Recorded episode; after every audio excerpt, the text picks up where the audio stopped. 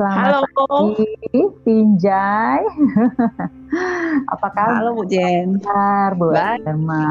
Oke, aku sapa-sapa dulu ya. Oke. Boleh. Baiklah. Selamat pagi. eh, Selamat pagi. pengunjung Anchor KMI Istimewa.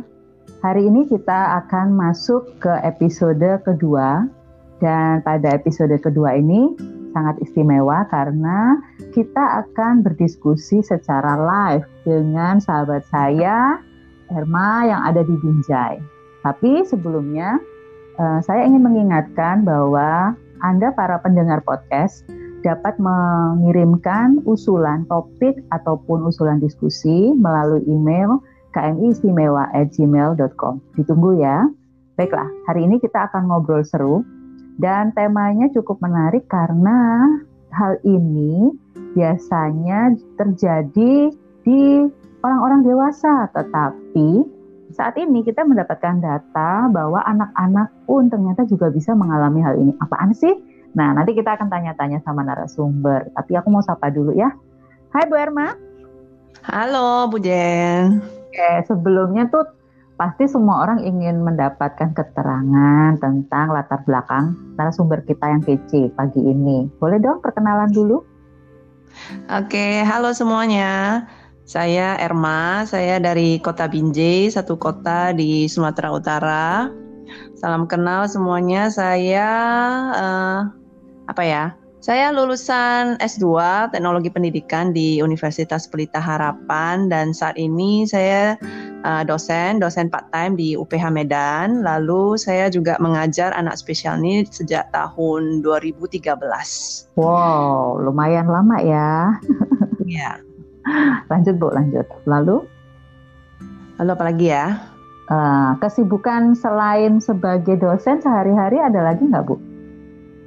Oh ya, saya punya komunitas. Saya punya komunitas untuk anak berkebutuhan khusus. Kita namanya social group dan support group. Social group itu kita eh, ada event dengan anak-anak. Eh, jadi anak-anak kita campur ya. Jadi tujuan dari event kita ini sebenarnya untuk bring awareness gitu. Karena di event ini eh, anak-anak bukan hanya anak spesial, tetapi juga anak eh, tipikal dan juga volunteer. Dan volunteer kami ini berasal dari berbagai latar belakang. Jadi tujuan kami lebih ke awareness sih untuk membangun uh, kepedulian, kepekaan masyarakat terhadap keberadaan anak-anak spesial ini. Lalu ada support group. Support group kita berad, uh, diadakan bersamaan dengan social group. Jadi ketika sosial anak-anak berada di social group, uh, orang dewasa berada di support group. Jadi support group ini kami mengumpulkan orang tua dengan anak berkebutuhan khusus maupun tam, uh, tanpa anak berkebutuhan khusus tujuannya awareness lagi. Ya jadi di sini orang tua yang mungkin uh, tidak memiliki anak berkebutuhan khusus mereka mengerti oh karena kita melihat di masyarakat kecenderungannya anak-anak itu sebenarnya mereka berteman dengan siapa saja. Tapi kecenderungannya kenapa akhirnya anak-anak uh, spesial ini mengalami bully tidak di, tidak mendapatkan teman? Itu ada kecenderungannya orang dewasa yang membuat apa ya membuat hmm, stigma bahwa mereka itu beda, mereka itu jangan didekati seperti itu. Jadi di di komunitas kami ini kami berusaha membangun awareness agar orang tua dengan tanpa anak berkebutuhan khusus mereka mengerti bahwa uh, mereka juga harus uh, mengizinkan anak-anaknya dan memberikan pengertian kepada anak-anaknya tentang anak spesial. Dan di support group ini juga kita ya tentunya memberikan penguatan juga memberikan materi untuk membantu orang tua. Jadi secara umum kita memberikan parenting dan secara khusus kita untuk uh, awareness seperti itu. Oke, menarik sekali. Jadi di anak-anak kebutuhan khusus, terutama hari ini ya, dalam masa Hmm. pandemi, itu juga apakah mengalami hal-hal yang dialami oleh anak-anak yang tidak berkebutuhan khusus ya Bu? Ini jadi satu topik yang menarik untuk kita bahas hari ini. Tema kita pagi hari ini adalah tentang brain fog. Nah, Hmm. ini ini istilah yang baru ya untuk beberapa kalangan, tetapi kita juga baru uh, aware tentang hal ini ketika ada beberapa case yang terjadi hari-hari berikut ya. Ada Ya. gejala ketika anak mengalami uh, kelainan gitu ya dalam tanda kutip secara emosional gitu.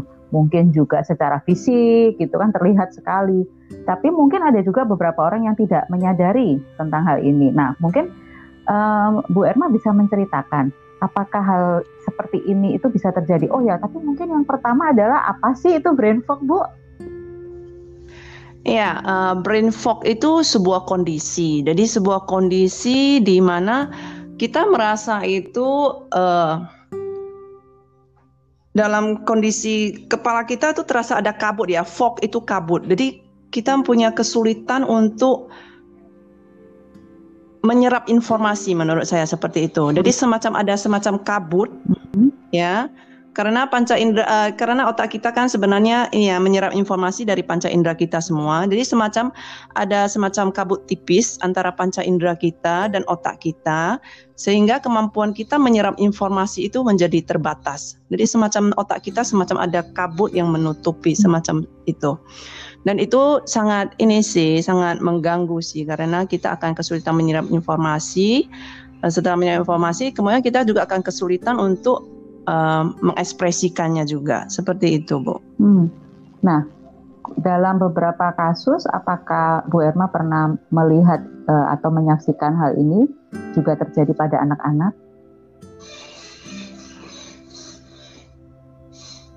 Kalau yang pertama mungkin terjadi pada saya juga ya Bu ya. Oh, Oke, okay.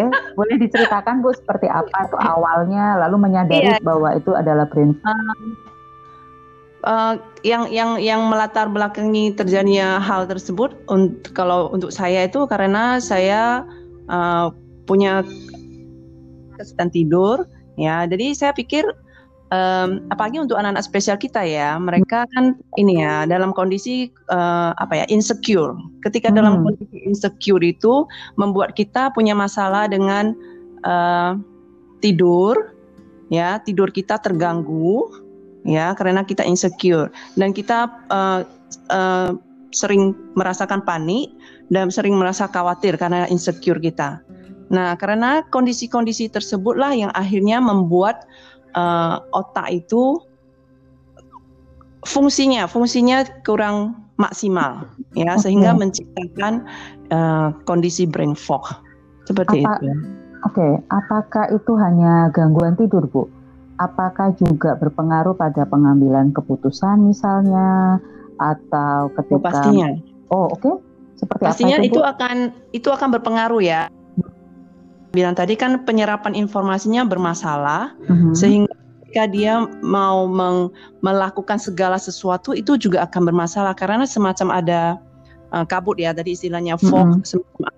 Selaput gitu yeah. yang menghalang gitu. Jadi kemampuan kita untuk fokus, untuk mengambil keputusan, untuk berpikir lebih hmm. dalam menjauh itu kesulitan sekali seperti itu.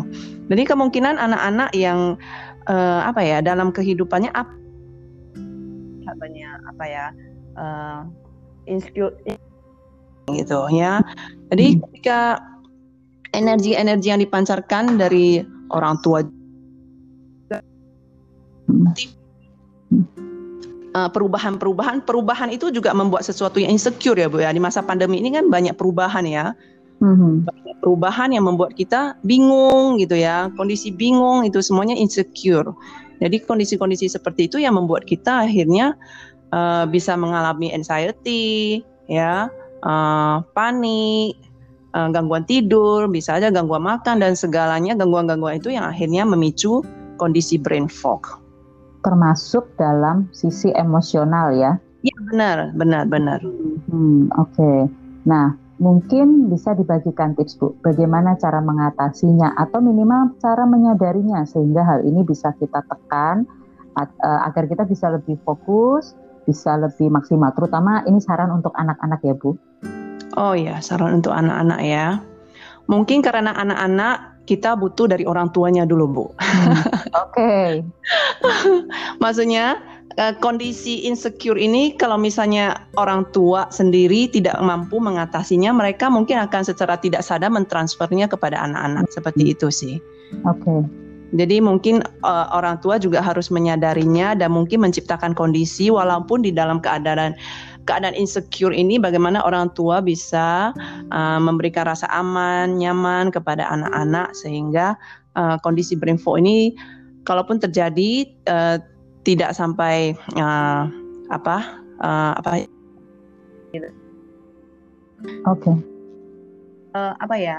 Jadi mungkin uh, orang tua banyak menyediakan waktu pandemi ini ya kita diberikan kesempatan kan sama Tuhan untuk hmm. Meluangkan lebih banyak waktu untuk anak-anak ya kan lebih banyak meluangkan waktu untuk anak-anak untuk lebih memahami anak-anak bagaimana kisnya, emosionalnya dan uh, terus banyak mengajak bicara, ngobrol apa yang harus kita hmm. lakukan, kita sepakati bersama seperti itu. Dan saya sendiri uh, saya memang mencoba untuk ini ya uh, mencari cara-cara untuk menenangkan diri saya supaya jangan sampai uh, brain fog ini semakin parah gitu. Saya berusaha menyadari apa sih yang mengganggu saya gitu, dan saya hmm. berusaha mencari cara menenangkan diri, mungkin dengan uh, olahraga, mungkin dengan ngobrol dengan teman, ya berbagai cara dan masing-masing mungkin punya cara-cara yang berbeda dan yang paling penting kita harus menciptakan dulu suasana aman, nyaman hmm. di diri kita sendiri barusan kita bisa membantu anak kita gitu. Wah, ini tips yang menarik ya. Jadi dikembalikan lagi bahwa fungsi utama adalah pada orang tua atau Benar. keluarga ya yang ya, yang melingkupi ya. anak-anak. So, parents, ini adalah sesi singkat diskusi saya dengan Bu Erma mengenai brain fog dan kami berharap bahwa dari diskusi singkat ini anda sebagai orang tua semakin menyadari pentingnya uh, security yang ya. Anda ciptakan dalam keluarga Anda, terutama anak-anak. Hmm, satu lagi, ada satu hal mungkin yang Anda bisa lakukan secara sederhana. Psikologi pernah menyarankan untuk Anda memeluk anak Anda minimal 8 kali sehari untuk hmm. membuat anak menjadi lebih tenang. Mungkin bisa iya, dicoba ya, ya Bu ya. ya Oke. Okay. sekali. Terima kasih Bu Erma untuk ya, kesempatannya. Jauh ya, kita di Bali dan di Binjai tetap. Oh iya, berapa pulau itu dilewati asik. diskusi hari ini ya. uh, sangat luar biasa dan pasti akan menjadi bahan masukan buat orang tua yang saat ini juga sedang mengalaminya mungkin ya. Oke. Okay? Iya. Yeah. Thank you hmm. Bu Erma. Terima kasih sama-sama Bu Jen teman-teman, parents, dan juga semua orang yang menikmati podcast hari ini, kami mengucapkan terima kasih.